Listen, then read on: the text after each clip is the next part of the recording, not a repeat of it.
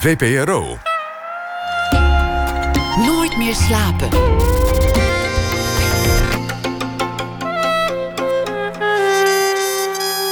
Met Pieter van der Wielen. Goedenacht en welkom bij Nooit meer slapen. The Noise You Make is Silent is de titel van het nieuwe album van Klangstof. Klang betekent volgens de online vertaalmodule zoiets als timbre, maar dan in het Noors. En timbre zou je kunnen vertalen als klankkleur. En stof, dat zal dan wel gewoon stof zijn. We zitten kortom in de meer verfijnde regionen van onze taal. De band Klankstof verscheen als een vuurpijl aan het firmament. Een paar jaar geleden alweer. Een platendeal met Warner, samenwerking met beroemde Amerikaanse producers en een optreden op het beroemde Californische festival Coachella. Alles zat mee, een hoop rumoer rond klankstof. Met het nieuwe album is de band eigenlijk weer terug bij waar het ooit begon. Verstilde Noorse mindfulness en de combinatie daarvan met directe Nederlandse rock'n'roll. Koen van der Wart is de zanger en componist van de groep. Hij is hier komend uur te gast, geboren in 1992. Groeide deels op in Nederland en deels in Noorwegen. En The Noise You Make is Silent is het tweede album van de band Klankstof. Koen, welkom. Leuk dat je hier langs bent gekomen. Dankjewel. Heel leuk om hier te zijn. Hoe oud was je toen jullie naar Noorwegen uh, vertrokken? Um, ik was. Het was op mijn verjaardag. Volgens mij werd ik 14. Dus uh, op mijn verjaardag zat ik eigenlijk in mijn eentje. in, uh, in the middle of nowhere in Noorwegen. Hoe, hoe was dat toen je ouders dat vertelden? jongen, moet je luisteren. we gaan naar Noorwegen. Nou, het grappige is dat het eigenlijk. Ehm, weet je, je bouwt voor zo je denkt, weet je, je bent 13, dus je denkt dat je al een heel leven hebt opgebouwd in, in, in Nederland. En uh, ergens vond ik het niet heel erg om daar uit te stappen en om, en om overnieuw te beginnen. Want zo leuk was dat leven niet. Nou, weet je, je, je gaat op vakantie naar Noorwegen en, en, weet je, vakantie is altijd leuk. Dus je hebt daar het, je eigen meer voor de deur, het bos, en de vrijheid. En dat trok mij ergens ook wel heel erg aan. En uh, het, het spannendste was gewoon dat je, ja, je bent ergens in de verte ben je bang van, ja, oké, je komt in een land waar je de taal niet spreekt. En Noren zijn best wel verlegen, dus die vinden het ook niet zo fijn om Engels te praten. Dus je hebt gewoon zo'n zo'n gat van zes, zeven maanden waar je gewoon echt even als eindselganger um, doorheen het moet. leven moet. Het lijkt me ook geen makkelijke taal. Nou, het, is, het, valt, het valt wel mee als je een beetje een beetje Nederlands en Duits combineert... Dan, uh, en je doet er een beetje e en o doorheen... dan gaat het best wel snel. Kom je wel ergens. Maar als je die leeftijd hebt... en, en, en dat is een, een, leeftijd dat je op bepaalde manieren... heel erg bezig bent met je omgeving... misschien nog niet zo goed weet wie je bent... aansluiting heel belangrijk is... Ja, ja. van leeftijdgenootjes... en je spreekt ook de taal niet... Ja, nee, dat, dat was denk ik ook het moeilijkste. Maar ik denk dat mijn ouders zo vastberaden waren om, om wel die stap te zetten. Dat het voor mij ook dat ik het ook niet echt tegen kon houden. Um, dus... Anders had je het misschien nog wel geprobeerd, maar je wist ze zijn, ze zijn vastberaden. Dit gaat gebeuren. Ja, ja. waarom wilden ze dat zo graag? Uh, mijn vader was boswachter in, uh, uh, op de Utrechtse Heuvelrug in, in Veenendaal. En we waren, gingen eigenlijk best wel vaak op vakantie naar Zweden en Noorwegen. Um, dan hadden we zo'n mooi hutje. En langzamerhand was het gewoon het dat we, dat we steeds vaker op vakantie gingen. En altijd als we terugkwamen, dan hadden mijn ouders heel erg heimwee.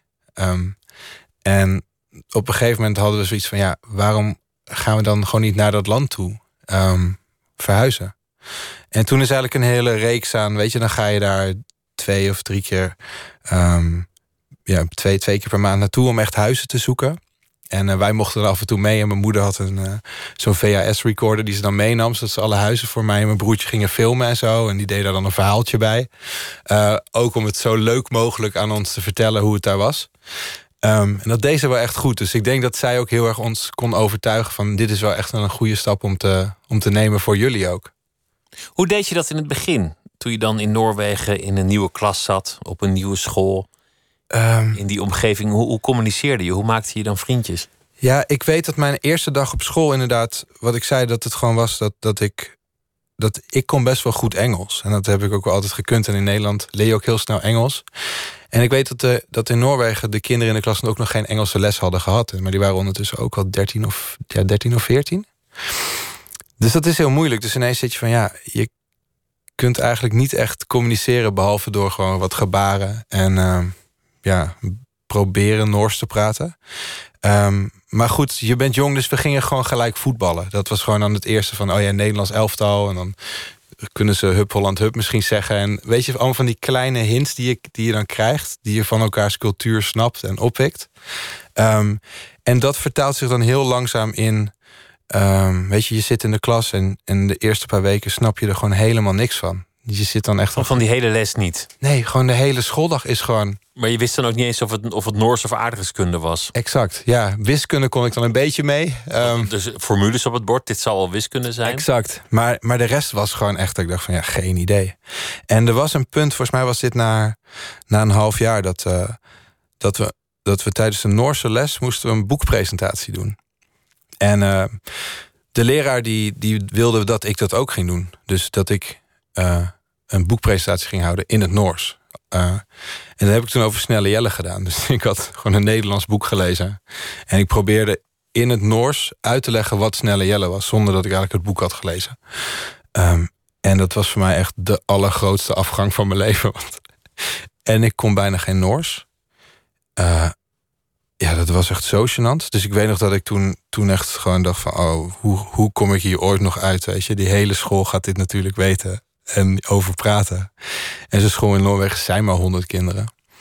Um, en ik weet dat de leraar mij toen apart nam en zei van... oké, uh, sorry, weet je, want hij voelde zich ook wel heel erg schuldig. Want hij dacht, Koen die bluft zich hier wel doorheen. En, maar ik voelde me daar zo naar over... dat hij zei van, ja, maar jij speelt toch ook een beetje gitaar? En uh, toen mocht ik daarna eigenlijk elke dag, het hele jaar... mocht ik, uh, mocht ik een liedje spelen aan het eind van de dag. En dat werd heel langzaam gewoon mijn manier van communiceren. Dus dat ik aan het eind van de dag even vier minuten mocht Koen een liedje op de gitaar spelen. Dan word je ook wel snel goed als dat de enige manier is waarop je kunt communiceren met de rest van de school. Ja, en, en het wordt heel belangrijk, omdat het echt je. Het, ja, je, je merkt toch dat je je de hele dag inhoudt. En je voelt wel dingen, maar je kan het niet echt uiten. Helemaal de eerste paar maanden. Um, en dan is zo'n manier heel belangrijk omdat je dan toch even, weet je, stel je vindt een meisje leuk. Um, of je, weet je, dan, dan is het heel fijn dat je gewoon de hele dag als verlegen jongetje in de klas kan zitten. Je hebt geen idee waar het over gaat. Maar dat je dan aan het eind van de dag in vier minuten wel even een soort serenade kan, kan zingen voor dat meisje. Um, dus voor mij werd dat echt zo'n belangrijke manier om te van communiceren. En dat is eigenlijk sinds die, sinds na die boekpresentatie is het nooit meer weggegaan. Dus muziek is belangrijk geworden omdat het de enige manier was waarop je kon communiceren met de rest. Dus dit, dit is eigenlijk het moment dat muziek in jouw leven die prominente rol kreeg. Ja. En dat is nooit meer anders geweest. Nee, nee. Wat was er verder eigenlijk in, in Noorwegen? Wat voor omgeving was het? Want het was niet een grote stad waar jullie woonden. Nee, we wonen in een, in een dorp. Het heette Landelsbygdag. En dat ligt bij uh, Lillehammer in de buurt. Daar was. Uh, Best wel noordelijk allemaal. 94 was voor mij het uh, Olympische Spelen of 96. De winterspelen. Ja. Volgens mij, het ligt drie uur boven Oslo. En dan nog even een klein stukje het land in, naar het westen. En in Noorwegen is het gewoon heel snel. weet je, je hebt zo van de grote steden. En daarna is er gewoon niet heel veel meer. Dus de, het dorpje waar ik opgroeide, was, daar wonen volgens mij 50 of 60 mensen. Waarvan dan misschien twee of drie van mijn leeftijd vooral veel boeren en zo. Waar ik niet per se heel veel mee had. Weet je, dat waren mensen die, die, die kinderen die gingen dan, die waren dan veertien, die gingen met tractoren over het ijs en racen en zo. En die, uh, ik, ik was niet zo iemand. Ik was veel meer een soort voetballen en, en ook heel veel dat, dat kunstzinnige. Um, en dat was gewoon echt een beetje de working class. Uh, ja, de working class people die gewoon um, het liefst de hele dag uh, in de stal stonden uh, stront te scheppen. En voor mij voelde dat niet echt als mensen waarmee je kon communiceren of, of hangen. En de omgeving? Kon je goed tegen zoveel groen of in de winter zoveel wit? Ja, dat is wel één ding wat ik nu bijvoorbeeld in Amsterdam nog heel erg mis ook. Is dat, dat stukje dat je het gevoel hebt dat je de deur uit kan gaan en dat je helemaal vrij bent. Ik heb eigenlijk dat ik als ik nu bijvoorbeeld. Uh, ja, ik, ik zit eigenlijk elke dag wel in de studio te schrijven. En, en mijn routine in Noorwegen was van ik schreef dan een nummer. En dan liep ik naar buiten. En dan ging ik het soort van tot me opnemen. En misschien ga ik huilen, misschien ga ik schreeuwen, misschien ga ik gewoon lekker wandelen. Maar al die opties waren een soort van open, omdat niemand stoort je, niemand hoort je. En uh, ja, ik woon nu in Amsterdam Zuid en dan kan dat niet. Dus je voelt je heel snel een beetje, um, ja, trapped of zo. Opgesloten, uh, betrapt, ja. bekeken. Ja en, en ik, ja, en ik merk dat ik dat nu heel moeilijk vind met het. Uh, om ook mijn eigen muziek en, en creativiteit te verwerken. Dat, dat stukje vind ik nog heel moeilijk om toe te passen in Amsterdam bijvoorbeeld. Dat moeten je ouders ook gehad hebben. Die behoefte aan vrijheid, ruimtelijkheid. Ja, en ik, en ik denk ook dat, dat ik nu ook snap wat zij bedoelden met. Uh, Konden gaan. Ja, en ook die, die vrijheid waar ze het toen over hadden, waarvan ik toen dacht van ja, wat, wat is dat? Ik denk dat dat voor hun het ding was. Begrepen ze jouw muzikale drang? Waren ze weg van jouw liedjes in die tijd? Nee, allebei niet. Maar gewoon echt helemaal niet? Nee. Ik denk, dat? mijn moeder is gewoon de aller, aller, allerliefste vrouw ter wereld. Dus die zou nooit zeggen dat het, dat het slecht is, maar ergens weet je dat ze het misschien niet helemaal voelt of zo. Um, maar ja, die is meer van Corrie Konings en al die super mooi ook, maar uh, heeft natuurlijk anders, ja. heeft niks met klankstof te maken. En mijn vader was um, een beetje van de Pink Floyd en Pearl Jam en dat soort muziek. En ik denk dat ik daar ergens muzikaal ook nog wel iets van heb opgepikt. Um, maar ik had altijd gewoon een best wel moeilijke relatie met mijn vader. Hij was best wel uh, uh, bedweterig. Um, en dat is altijd best wel moeilijk, want ik merkte dat ik heel erg onzeker was. En, als dan, en dan kwam hij er doorheen. Ja, en dan had ik al gelijk geen zin meer. En dat is eigenlijk tot de dag van vandaag is dat een beetje het ding geweest. Dat ik het heel moeilijk vind om hem bijvoorbeeld mijn muziek te laten horen. Omdat ik weet dat, dat hij toch af gaat kraken. Je vader is een, een ex-marinier ook naast boswachter. Klopt. Ja. Wat, wat, wat, wat, voor marinier was hij? In welke tijd zat hij daarbij? Ik denk dat dit was uh, de jaren tachtig. Volgens mij was hij 16 of 17 toen hij naar de marine ging. Ook vanwege een best wel moeilijke thuissituatie toen. En uh, ja, weet je, ik neem, ik neem hem niks kwalijk. Dat is, een, dat is wel iets wat ik uh, uh, nu heel erg besef van. Ja, je, je kan wel boos zijn op iemand. En je hebt, hoort heel veel verhalen van mensen die, die contact verbreken met hun ouders. En ik heb nu gewoon zoiets van: ik weet wat ik hem moet vragen en wat ik hem niet moet vragen. En waar, wat hij van mij nodig heeft en andersom. En op die manier kan ik, moet ik me gewoon een beetje aanpassen naar, naar hem toe. En dan kunnen we nog wel samen door één deur. Maar ja, het blijft heel, heel ingewikkeld altijd. Gewoon omdat ik ergens weet dat hij van me houdt, maar hij zal het nooit zeggen. nee. Nooit rechtstreeks. Nee, nee. Maar weet je, dingen als. Uh, ja, dan. dan ja, bijvoorbeeld nu, dan heeft hij. voor deze plaat, dan heeft hij nog niks tegen mij gezegd over de plaat. Maar wel het Volkskrant-artikel gedeeld op zijn eigen Facebook-profiel. Zo, snap je? Dus het is een beetje. Dus hij is wel trots. Ja, maar het voelt ook een beetje alsof hij er dan mee te koop gaat lopen van... kijk eens wat mijn zoon doet. Weet je, want het eerste wat... stel, ik had een kind die uh, een mooi stukje had in de Volkskrant... zou ik eerst mijn kind opbellen om te zeggen gefeliciteerd. In plaats van het meteen te delen. Ja, daar kan ik me iets bij voorstellen. Is er ooit een moment geweest dat hij dat, hij dat wel heeft gedaan? Dat hij naar je optreden kwam kijken en liet, liet merken dat hij wel degelijk trots was? Ja, we zijn... Um, uh, het leuke is ook van het, het, het leuke. Um, het feit dat zij in Noorwegen zit en ik in Nederland, terwijl het hele klankstofgebeuren aan de hand was, um, was natuurlijk dat zij nooit echt in de gaten hadden hoe goed, hoe goed het ging. Um, dus ik weet nog dat, dat, dat er een punt kwam dat we inderdaad naar Coachella zouden gaan. En ik dacht, ja, dit is het moment dat ik mijn ouders eens en voor, voor altijd kan laten zien van het gaat wel goed en don't worry. Want Coachella is de plek waar, waarvan iedereen droomt er ooit te staan. En bij de meesten zal die droom nooit uitkomen. Ja, ja het is echt een soort prestigieus popfestival. Um, waar wij natuurlijk best wel... Veel prestigieuzer wordt het volgens mij niet. Nee, nee maar ook weet je, voor een soort alternatief groepje als, als dat wij waren... was het zo van, oké. Weet je, ineens ben je een soort van bij, zit je bij one of the big boys. Um, dus voor mij voelde dat heel erg als... oké, als ik hun daar naartoe uitnodig... en wat een mooie Airbnb met een zwembad... weet je, alles was goed geregeld. Californië, de zon schijnt. Exact, ja. Dus uh, zij waren ook nog nooit in, in Amerika geweest. Um, dus zij kwamen naar dat optreden toe. En um, ja, dat zijn wel momenten, weet je... Voor, dat, dat je wel in iemands ogen kan zien, en ook bij mijn vader, dat hij wel trots is. Ehm, en heeft hij dat toen gezegd? Ik denk het misschien wel. Maar ik kan hem me niet meer echt herinneren. Maar in zijn ogen stonden er tranen in die ogen? Ja, en dat vind ik wel het mooie. Want ik merk wel dat, dat, dat ik wel een paar dingen van hem ook heb overgenomen. Dat ik ook. Ik ben ook best wel een kill persoon. Maar ik merk dat ik bij muziek wel kan breken. En niet echt in een gesprek met iemand. En ik weet nog, ik heb drie jaar geleden, toen heeft mijn vriendin me de hele uh, dag verrot gescholden. Omdat ze wilde dat ik emotie toonde. Maar ja, dus ergens zit er bij mij ook echt zo'n muurtje. Dat gewoon, um, ja, dat dat niet gebeurt. Behalve bij muziek. En ik zie dat dus ook terug in mijn vader. Dat als, als wij een mooi nummer inzetten die hij mooi vindt.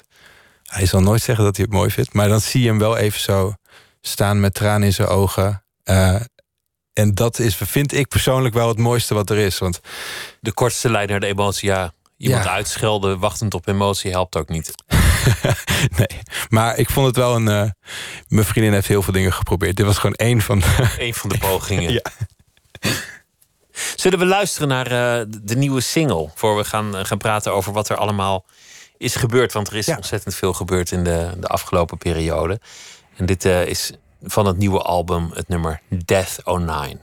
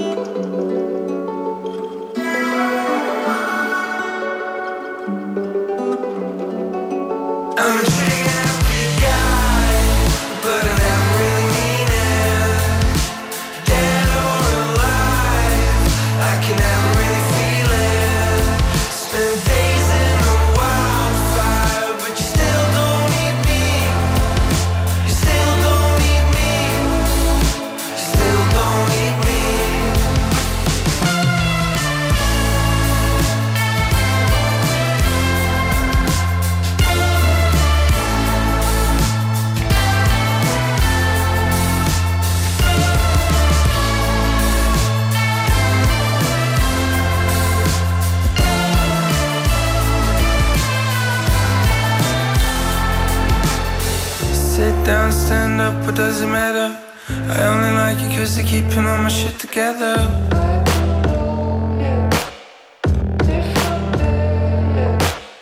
I'm pretty lazy but I keep it on the limit. Another this soft spoken mind from a distant planet.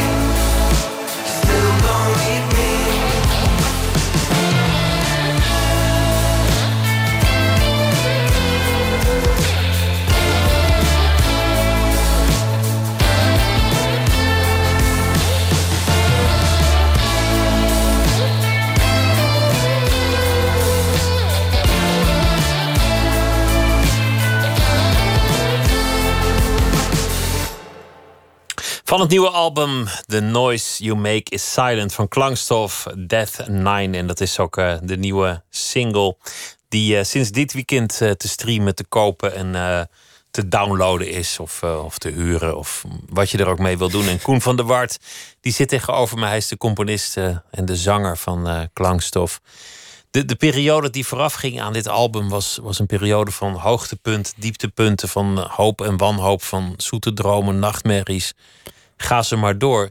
Er, er was een moment dat, dat ineens jullie opgemerkt werden op een manier die de meeste mensen nooit kunnen verlangen in hun, in hun loopbaan. Ja getekend bij Warner, Amerikaanse producenten, een tour door de Verenigde Staten, Coachella, een plek waar de meeste mensen alleen maar van kunnen dromen. In ieder opzicht gingen jullie het heel groot maken. Was het allemaal, uh, ja, de sky was, was de limit, zoals ze zeggen. Ja. Tegelijk was het ook een periode van wanhoop. Ja, ik denk dat uh, hoe meer. Uh, ja, het, het, was, het was vooral een moeilijke periode omdat um, ik het zelf misschien op een hele andere manier voelde dan hoe de media het, het oppakte. Want in, in de media was het allemaal hoera. Ja, vooral in Nederland ben je gelijk soort van de nieuwe grote band. Omdat je inderdaad dan die, die dingen doet en uh, je zit bij een groot label. En ineens gaan, gaan daardoor die verwachtingen van mensen heel erg uh, meetellen in je hele creatieve proces. En ik denk dat ik dat het allermoeilijkste vond. En dat ik daar ook een beetje van uh, in de war raakte tijdens het proces. Dus, in plaats van het heel erg, er heel erg van genieten en um, was ik me veel te bewust van dat het misschien allemaal niet zo was. Um, en dat maakt het uh, uh, gewoon heel ingewikkeld om bijvoorbeeld een plaat te schrijven. Omdat je niet weet van oké, ga ik deze plaat schrijven als een soort pop-icoon op een gekke manier? Of ga ik, ga ik hem als, als Koen van Klankstof schrijven zoals ik hem zelf wil schrijven? De verwachtingen drukten op je schouders. Ja, ja en, je, en je, ja, je, je zit ook echt op een, twee, op een tweesprong van een honderdsprong. Als in je hebt één plaat gemaakt en je tweede plaat is echt, weet je, je kan alle kanten op. Weet je, de, de eerste plaat is niet een blauwdruk. Ik vind altijd een tweede plaat is pas waar, waar de route echt begint. Um, en onze eerste plaat was, was qua sound... zaten misschien wat, wat pop-elementen in... maar was ook heel erg alternatief. En als ik het nu terugluister, hoor ik ook dat ik nog heel erg zoekende was... en jong was en heel veel dingen verkeerd deed. Uh, wat ik nu heel anders zou doen. Dus uiteindelijk heb je een soort blauwdruk gemaakt... van wat klankstof is. Je hebt al die verwachtingen... En dan moet je ineens een nieuwe plaat gaan schrijven. En ik merkte dat ik echt dacht van ja, waar moet je beginnen? Weet je, ik wil gewoon iets hebben waar ik me aan vast kan houden. En, de tweede uh, plaat is voor veel artiesten de moeilijke plaat. De eerste plaat, dan heb je gewoon je repertoire. Dat heb je in de loop der jaren bij elkaar gescharreld.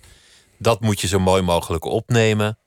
En dat repertoire is in een soort stilte tot stand gekomen. Ja. Op, op de, de spreekwoordelijke zolderkamer. Ja. De tweede moet in een kortere tijd. En dan is de wereld erbij gekomen.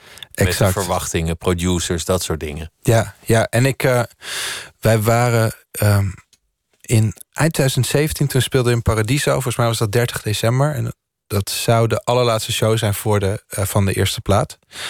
En um, we hadden dus het idee om um, zo snel mogelijk richting LA te gaan. Waar, waar het label zat. We zaten bij uh, Mind of a Genius. En, en Warner die zat daar voor de helft bij. En die helpt ons met, het, met de promo en alles. En zorgde dat het uh, allemaal in de goede handen kwam. En wij gingen dus in januari, uh, Wannes en ik, met wie ik heel veel samenschrijf en ook, die ook in de band zit, gingen wij richting LA.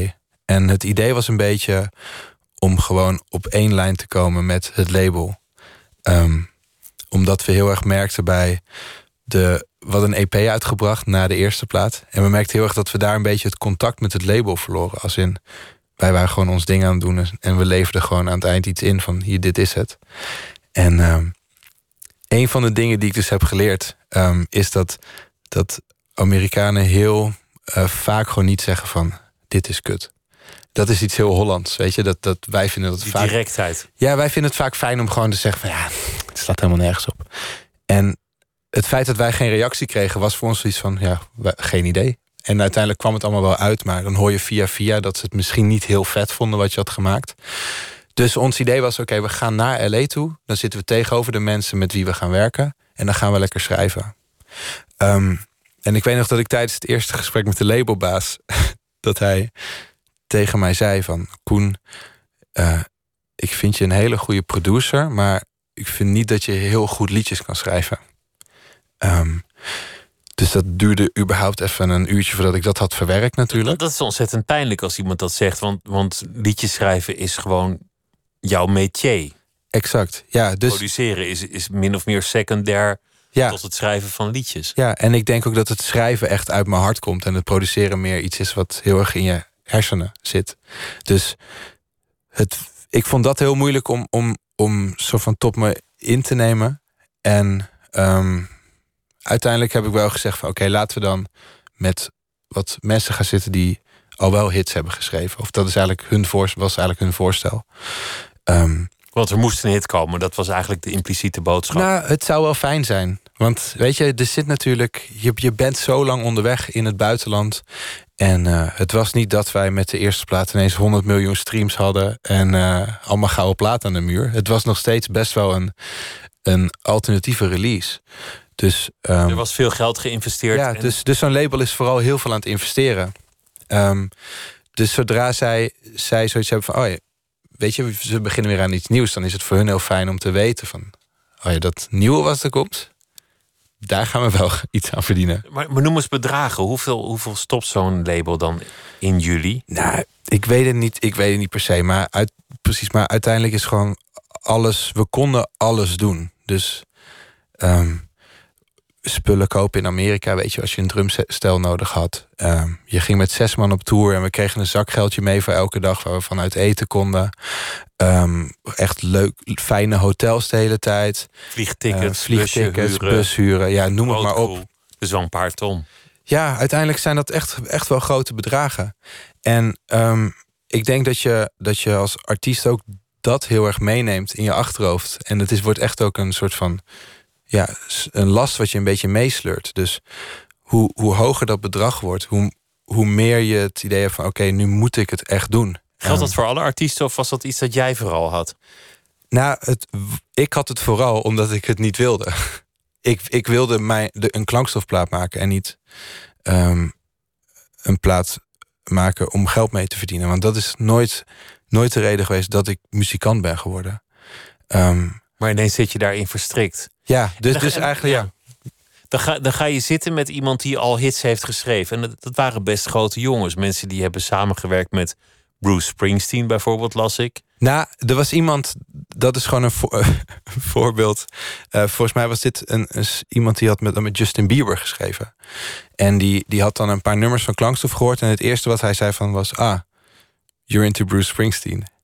En weet je, Bruce Springsteen, prima gozer. Maar klankstof is geen Bruce Springsteen. Nee, dus, Dus, maar, maar, Justin Bieber en klankstof, daar zit ook nog wel wat, wat ruimte tussen. Exact. Ja, dus, dus ik merkte gewoon dat die mensen met wie ik ging schrijven, dat ik daar gewoon geen klik mee had. En um, mijn schrijfproces was ook altijd heel erg mezelf afbakenen en heel erg in mezelf muziek schrijven. Dus als er ineens een hele extroverte Amerikaan ineens zegt van ja, we gaan over een park schrijven en suipen en, en bitches. Dan heb ik echt zoiets van, oh, dat durf ik helemaal niet. Of dat, dat wil ik helemaal niet. Weet hij wel wie die tegenover zich heeft? Ja, nou, weet je, ik, ik ben daar gewoon te verlegen voor. Dus uiteindelijk gingen we dat dan wel doen. um, dus, dus uiteindelijk was, was het twee weken en elke dag was eigenlijk met een andere schrijver. En uh, ik had met een, uh, een meisje die bij het label werkte, had ik op een gegeven moment een deal dat, uh, dat ik haar altijd kon bellen zij zat eigenlijk een beetje in, in mijn kamp. Als in zij zag hoe, hoe moeilijk ik het vond. En dat ik wel echt moeite had om elke ochtend naar zo'n sessie toe te gaan. Weet je, ik had soms dat ik echt in huilen uitbrak als ik thuis kwam. Gewoon omdat ik het zo gênant vond. Omdat je jezelf ook onrecht aan het aandoen was. Je was jezelf was van jezelf aan het vervreemden. Ja, en het, het muziek maken was niet leuk meer. Weet je, dus alles wat ik leuk vond aan klankstof was niet meer leuk. Um, dus ik kon we hadden een deeltje dat ik haar altijd op kon bellen. En dan kwam ze mij met de auto ophalen. En dan zou ze tegen die producer zeggen dat ik naar de huisarts moest. Dus die truc heb ik een paar keer gebruikt als het weer heel, helemaal uit de hand liep. En um, na akelig dit. Ja, en, en na twee weken ben ik toen wel na, bij het label na, op kantoor geweest. En, en toen wel gezegd van dit, dit is niet iets voor mij. Um, en ik, voor mij voelde dat echt als een opluchting, want het, moest er gewoon uit. En ik wist, ik wist ook van ja, op deze manier komt er nooit, nooit een, nieuwe klankstofplaat. Want ja, het, het voelde gewoon niet goed. Dus, um, dus ik ben toen inderdaad naar, naar, naar, naar het kantoor van, van het label geweest. Gezegd van nou, hier, dit gaan we niet doen. En ik weet ook toen dat ik, wat echt, echt heb gehuild. Omdat het echt zoveel pijn deed. Dat ik gewoon van, van het kastje naar de muur werd gestuurd. En er kwam alleen maar rockmuziek uit. Um, en dat ik dacht van ja, ik wil gewoon een klankstofplaat maken. En we, we zijn toch bij elkaar gekomen omdat jullie mijn muziek mooi vonden. Um, en ik denk dat dat het meeste pijn deed. Dat, dat je merkt dat zij het dan willen vormen. En ergens snap je dat ze het doen. Vanwege de inderdaad de investering. Maar ergens voel je ook je een beetje verraden. Omdat je denkt dat. Omdat je heel erg je creativiteit ineens wordt afgenomen. Omdat voor een deel niet-muzikanten de muzikanten gaan vertellen wat ze moeten doen. Ja. Platenbazen die zelf geen instrument bespelen gaan zeggen: Ik hoor geen hit of waarom probeer je niet dit of dat. Ja, maar ik denk dat heel veel mensen bij labels er heel veel verstand van hebben. Weet je? Dus, dus het is niet per se. Niet de hele sector die verrot is. Dit is alleen één slechte ervaring. Ja, maar nou, alsnog denk ik dat, het, dat ik, ik. Ik snap dat zij zo, zo dachten en denken. Uh, vanwege de investering. Maar ik wilde gewoon een plaat maken die geen uh, twee ton opleverde. De, mijn nieuwe klankstofplaat hoeft 0 euro op te leveren. En ik wil er zelfs gewoon 5000 euro insteken. Ik hoef dat nooit terug te verdienen als ik maar de plaat mag maken die ik wil maken. En ja, om dat te doen bij een label is natuurlijk zo van, ja, daar hebben zij natuurlijk niks aan. Hoe zit dat in, in, de, in de platensector? Is, is zo'n voorschot of zo'n investering invorderbaar? Is dat een, een letterlijke schuld die jij dan hebt bij Warner? Als, als jij het niet waarmaakt, moet dat geld dan toch nog worden opgehoest? Nou, niet direct. Dus zij, zij houden gewoon het geld in wat er met de eerste plaat wordt verdiend. Dus alle, alles op Spotify en uh, dat soort bedragen, dat gaat gewoon rechtstreeks naar hun. Uh, ergens, ergens naar Amerika waar ze dat terug inlopen. Maar goed, je weet ook dat je nooit meer een euro gaat krijgen voor die plaat. Maar ergens vind ik het niet erg. Um, want want wat ik wil gewoon niet stoppen met muziek maken. En ik heb nu alweer zoveel ideeën voor een nieuwe plaat. Dat ik zoiets heb van, weet je, dat mogen ze lekker hebben. En misschien dat, het ooit, dat we ooit nog... Een, ik wacht gewoon op het moment dat we 1 euro kunnen krijgen van, van de eerste plaat. Dat zou echt... Dan ga ik een taart kopen. Dus dan komt dat telefoontje van dat label waarvan iedereen zo trots was dat ze je getekend hadden. En dan zeggen ze: Sorry, we hebben, we hebben slecht nieuws. Of ik weet niet hoe dat gaat. Maar we gaan het contract openbreken, we willen niet verder. We, we, we, willen je nieuwe plaat niet hebben, we gaan het helemaal anders doen, laat maar. Dat is dan eigenlijk een opluchting. Ja, en, maar het telefoontje was veel vager dan dat eigenlijk. Oh, dat, dat werd ook indirect uh, gecommuniceerd. een beetje wel, ja. Het was gewoon, Warner had... had uh, wij hadden een beetje de verantwoording naar Mine Virginius, het label waar wij eigenlijk voor hadden getekend. En Mine Virginius uh, was weer, had weer een lijntje naar Warner. Dus um, Warner heeft denk ik op een gegeven moment mijn Virginius gebeld en gezegd van... hé, hey, met die klankstofjongens, dat willen we niet meer doen. En uh, wij hebben dat dan weer te horen gekregen van mijn Virginius. Wat het label was waar we dus oorspronkelijk voor hadden getekend. En op die manier ging het eigenlijk. En dat, dit, dit lijntje die wij hadden gemaakt, maakt het ook allemaal heel onhandig. Want ik denk heel vaak met dit dingen, hoe korter de lijntjes, hoe beter. Want in de creatieve sector kunnen dingen heel snel heel vaag worden. Met begrippen, metaforen. En uh, um, ja, uiteindelijk heb ik nooit direct dat gehoord van je, hey, uh, we kappen ermee. Um, maar het was meer in de trant van. Ik, ja, ik werd gewoon opgebeld en ze zeiden van ja, we, hebben, we denken niet dat Warner deze nieuwe plaat uit gaat brengen. En eigenlijk is het, was dat soort van het verlossende woord waar we mee moesten doen toen. Um, en toen merkten we ook gelijk dat er weer echt vaart in de, in de plaat kwam. Want je gaat gewoon door een proces dat je ja, 70 of 80 nummers schrijft. Um, gedurende zo'n periode. Dus we waren. Maar als je uiteindelijk dan de beste kiest. Ja, ja dus in maart, maart 2018 zijn, waren we weer terug in Amsterdam. Met dan al die demos die we eigenlijk al weg hadden gegooid met die, met die producers. En uh, toen zijn we eigenlijk weer gaan schrijven. En, en op dat moment um, wil je ook laten zien, weet je, ik had wel echt geleerd van, van het gesprek wat ik had over dat ik nog niet zo goed liedjes kon schrijven. Ik wilde het tegendeel bewijzen. Dus ik heb echt zo hard gewerkt om te zorgen dat dat, dat songcrafting, waar ik ook nog echt nog veel, veel kan leren. Uh, om dat echt te perfectioneren. Dus ik heb zo erg mijn best gedaan en elke dag gewoon 24 uur lang in de studio gezeten om, om te werken. En, en uiteindelijk, ja, wat ik al zei, 70 nummers gemaakt. En dat je dat dan doorstuurt naar iemand en dat je dan geen reactie krijgt. En toen, toen knapte er iets in mij.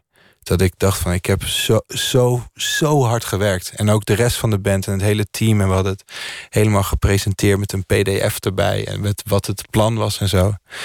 En ja, daar kregen we gewoon geen reactie op.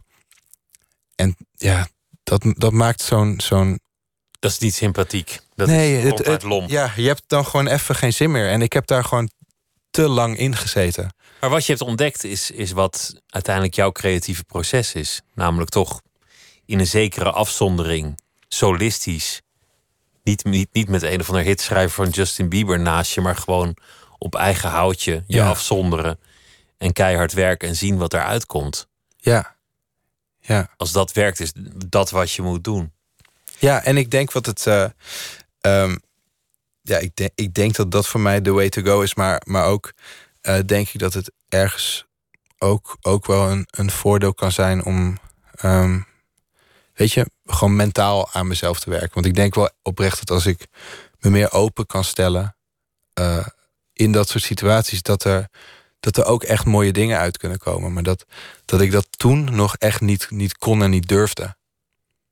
Muziek waar je altijd heel erg van hebt gehouden is uh, Radiohead. Heeft ook al wel invloed op jou gehad. En het interessante is dat, dat dat nou net een band is die altijd enorm geworsteld heeft met de industrie en de commercie en de verwachtingen. Ja. En tegelijk erin is geslaagd om, om hun enorme publiek wel te blijven bedienen, als je het zo moet noemen. Ja. Of in ieder geval op grote schaal beluisterd te worden. Want je wilt toch dat je muziek door zoveel mogelijk mensen gehoord wordt. Dat is niet vanwege de platenbaas, dat is gewoon een vehikel. Maar je hoopt een publiek te bereiken met jouw muziek. En, en die worsteling, daar is Radiohead volgens mij altijd heel interessant in geweest. Klopt, ja. En, en heel integer. En dit, dit is ook een van, een van de mooie stukken, All I Need. Klopt.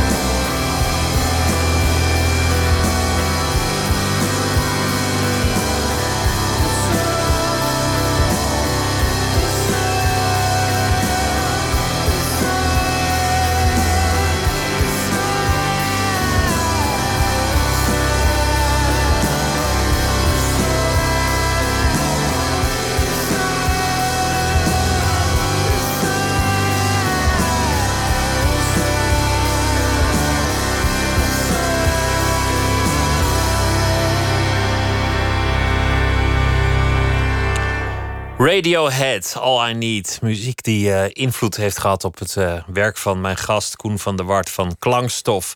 We hebben het gehad over uh, zijn jeugd, opgroeien deels in Noorwegen, deels in Nederland. Hoe je gitaar leerde spelen omdat de leraar zei: zing maar elke dag een liedje, want dan kan je tenminste, ondanks je slechte Noors, communiceren met de rest. En zo werd muziek heel belangrijk. We hebben het ja. gehad over je moeizame relatie met je, met je ouders, die nooit rechtstreeks zullen zeggen dat ze trots zijn, ook al zijn ze dat wel degelijk. En we hebben het gehad over de laatste jaren, waarin groot internationaal succes lonkte. Jullie speelden op Coachella, om maar eens wat te noemen, deden een aantal tours, onder meer door de Verenigde Staten. Maar tegelijk liep je vast in het creatieve proces, omdat er een verwachting was. Er moesten hits komen en dat ineens werkte heel verlammend. En je hervond je manier van werken gewoon een beetje op jezelf, een beetje solistisch. Maar wat betekent Radiohead precies voor jou? Nou, het is heel grappig, want eigenlijk um, in de tijd dat ik begon met luisteren, ik denk dat ik een jaar of uh, 14, 15 was. Toen zat ik natuurlijk nog helemaal niet in de situatie waar ik nu in zit. Dus ik heb eigenlijk ook gaandeweg heel erg. Um, hoe meer ik zo de laatste jaren met klankstof een beetje het idee heb dat ik in hetzelfde schuitje zit.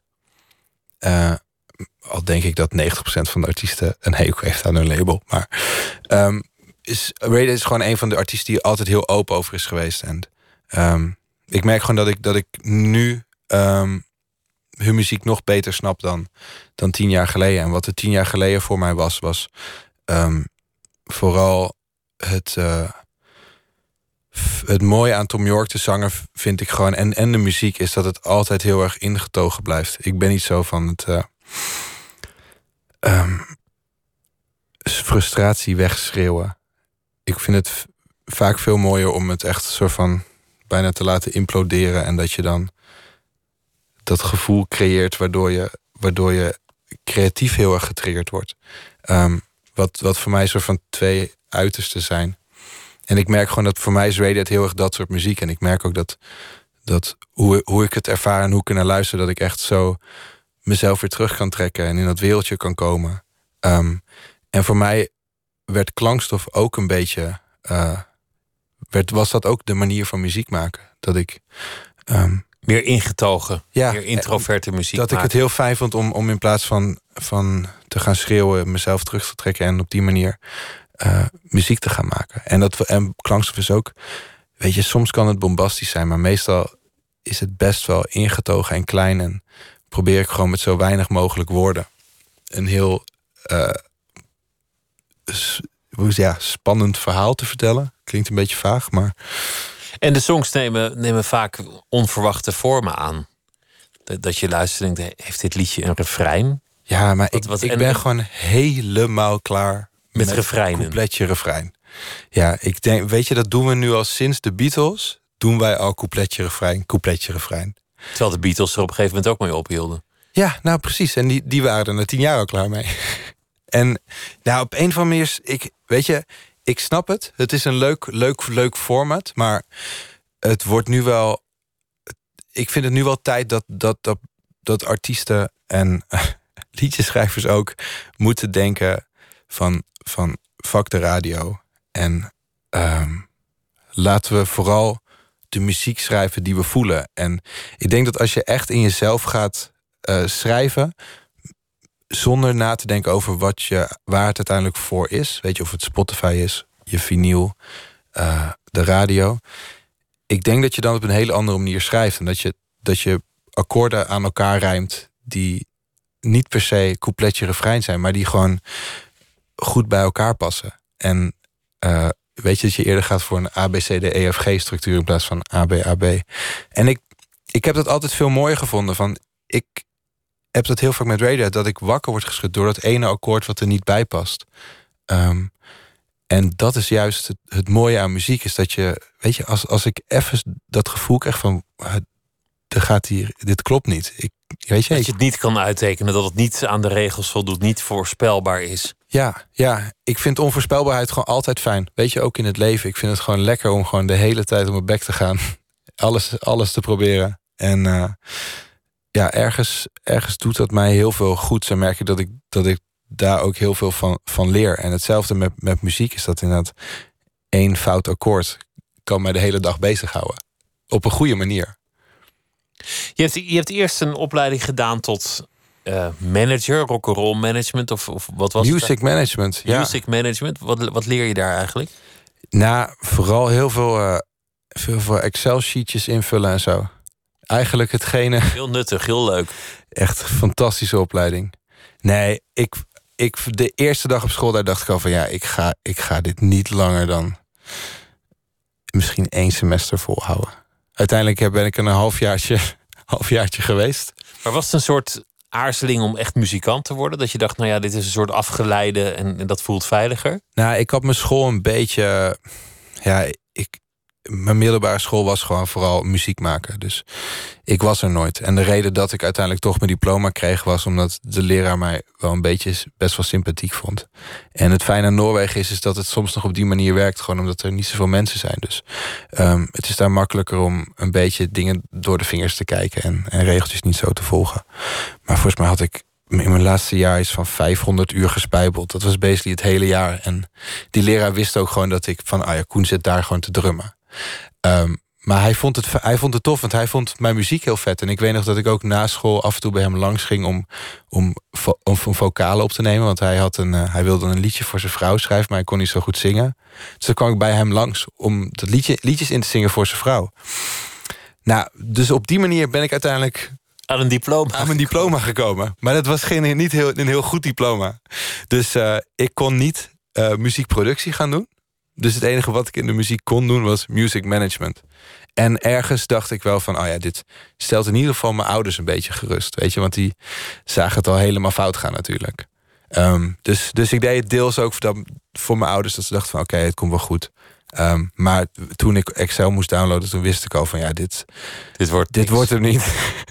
En je hebt, je hebt ook wel in bands gezeten, onder meer in Mos. En Mos is een van de, de, de betere bands van de Nederlandse bodem van de laatste decennia. Jullie waren ook heel serieus bezig. En toen, toen toch ineens werd het je eigen project dat, dat uh, ja, het ja, licht zag. Ja, met Mos was voor mij gewoon de. Um, uiteindelijk was dat de reden ook dat ik weer terugvuiste naar Nederland. Dus ik zat, uh, zat op school en ik zag een Facebook berichtje voorbij komen dat Mos een nieuwe bassist zoekte. Um, en ik dacht van ja, dit is, dit is die kans die ik moet grijpen. Um, ik vind school, school nu niet meer leuk en ik weet je, dit voelt toch allemaal niet goed. Laat ik gewoon dit even proberen. Um, dus ik. Um, en je was nog geen bassist op dat moment? Ik had nog nooit een bas aangeraakt. Uh, dus dat was wel spannend. Dus ik had van een vriendin in, in Oslo toen een, uh, een bas geleend. En ik had drie liedjes gekregen die ik moest repeteren. En uh, ja, een paar weken later hebben we toen in de Vondenbunker in Amsterdam. In, hebben we, gingen we repeteren. Dat ging eigenlijk best wel lekker. En er was gewoon een hele, hele fijne klik. En ik denk dat, uh, dat ook de reden is dat we het uiteindelijk hebben gedaan. Was omdat we ook vooral het. Uh, weet je, het spelen van die nummers ging wel oké. Ik was een beetje houterig, weet je. Ik was natuurlijk gewoon een gitarist die, die probeerde bas te spelen. Maar vooral het, het creatieve was, was heel leuk, weet je. Dat, dat, dat je al een beetje dingen kan invullen en heel goed met elkaar kan sparren over ideetjes. Um, en voor mij voelde het ook heel fijn dat zij een stuk ouder waren. Dat ik het idee van, oké, je voelt je dan toch misschien... Het voelt iets meer als een warm, warm bed waar je in komt dan wanneer, wanneer je met 19-jarige uh, drugsverslaafde uh, in een band gaat beginnen. Juist. Kwam, kwam iets voor... En als jullie elkaar dan nu nog, nog zien, is het dan een beetje zoals wanneer je je exen tegenkomt, of valt het dan wel mee? Ja, zo kan je het wel zeggen, ja. Ja, het is. Uh, uiteindelijk snap ik heel erg waar. Weet je, nu snap ik heel erg waar het fout is gegaan. Het, het begon gewoon als, als klankstof, was gewoon een hobbyproject van Koen. We ook een paar liedjes uh, uh, opnemen. En ja, dat liep gewoon uit de hand. En dan merk je gewoon dat, dat die dat het steeds moeilijker wordt en dat je steeds verder uit elkaar groeit. En dat, dat, dat mensen in Mos denken van ja, god, die gaan er met mijn band vandoor. Um, en je merkt gewoon dat dat het moment was waar ik eigenlijk al moet zeggen van oké, of we stoppen of, of we gaan met Mos door of wat dan ook. Maar ik heb toen gewoon geen beslissing gemaakt. Ik heb toen gewoon een beetje van ja, laat het aankijken. En dat gaat etteren en sferen. En dat, en wordt, dat gaat etteren, naar. ja. En gewoon, ik denk dat, het, dat een van de dingen die, die ik echt heb geleerd is... je moet gewoon altijd, zodra er iets fout gaat... en zodra je gewoon iets voelt, gewoon gelijk, gelijk dat gesprek aangaan. En ik denk dat wij uiteindelijk gewoon een jaar lang het er niet over hebben gehad. en het probleem er wel was. En uh, nu, als ik ze zie, weet je, ik, ik kan er nu best wel luchtig over praten. En ook met hun. Maar je merkt wel dat er nog steeds dingen zijn waarover gepraat moet worden, waar niet over wordt gepraat. Um, dus dat maakt het nog steeds een beetje ongemakkelijk. Ook al vind ik het echt de allerleukste, liefste, beste muzikanten van Nederland. Laten we luisteren naar een, een, een liedje van dat vorige album. Dat album waar je momenteel even niks aan verdient. Ja. Dus daar heb je ook eigenlijk niks aan dat we dit draaien. Maar het is wel gewoon een mooi stuk. Dus, dus dat gaan we gewoon doen. En het is uh, We Never Liked the Outcome. Should have told you by now I got some answers you like And some facts that you want.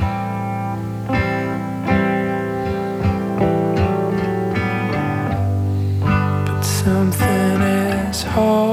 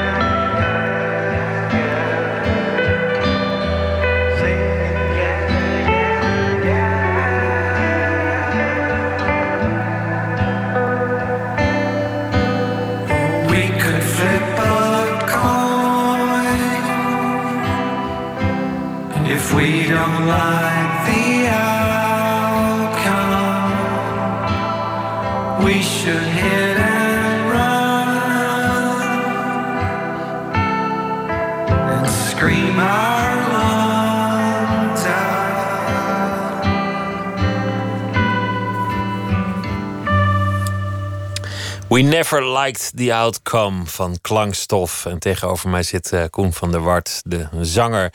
Het nieuwe album The Noise You Make Is Silent is eh, net dit weekend eh, verschenen. Jullie gaan ook op tour door, door Europa om te beginnen. Ja. Met, het, met het nieuwe album. Hoe, hoe, hoe bevalt je dat eigenlijk als je, als je toch solistisch componeert en, en graag op jezelf bent in dat proces? Hoe is het eigenlijk om met je bandje in een bus te stappen en eindeloos te luisteren naar het zuizen van asfalt? Nou, we hebben Slechte het- eten. Het, fijne met deze plaat is dat we echt met het afmaken wel echt als, eh, als band eh, het hebben afgemaakt.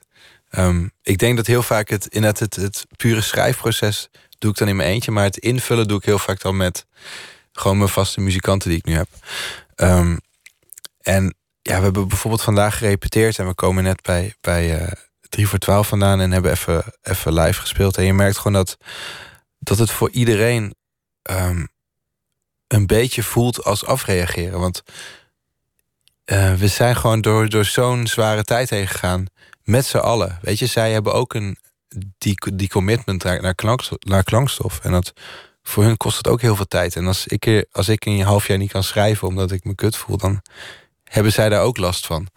Ehm, dus, dus voor ons is het nu gewoon zo, zo fijn. Ik heb het nog nooit zo nodig gehad om op een podium te staan en die liedjes te spelen. En we merken gewoon dat we dat allemaal nu hebben. Alle vier staan we gewoon daar en hebben zoiets van: dit moet er gewoon uit. En ehm, ik weet gewoon, ik merk gewoon dat dat, dat is het, het fijne aan op een podium staan. Dus dat je ook echt, je kan zo hard je wil, kan je spelen. En alles kan er even uit. Dus uh, ja, heel veel zin om gewoon even zo'n lekker rondje Europa te doen. Asfalt, wat jij zei. Love it.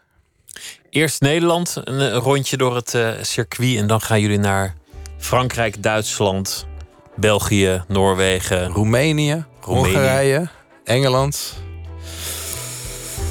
Ja, dat is het wel een beetje. Ja, nou. België. Is, ja. België hadden we al. Oh, hadden we al. Tibet. uh, nou ja. Tibet, Hongkong en Zuid-Afrika. Ik wens je heel veel plezier en heel veel succes. En dankjewel dat je te gast wilde zijn, Koen van der Wart van uh, Klankstof. En morgen is uh, Tjitske Reininga te gast in Nooit meer slapen... vanwege de voorstelling Dangerous Liaisons. En dat is een uh, bewerking van een boek en van de film, et cetera. En zometeen Miss Podcast. Een hele goede nacht. Tot morgen.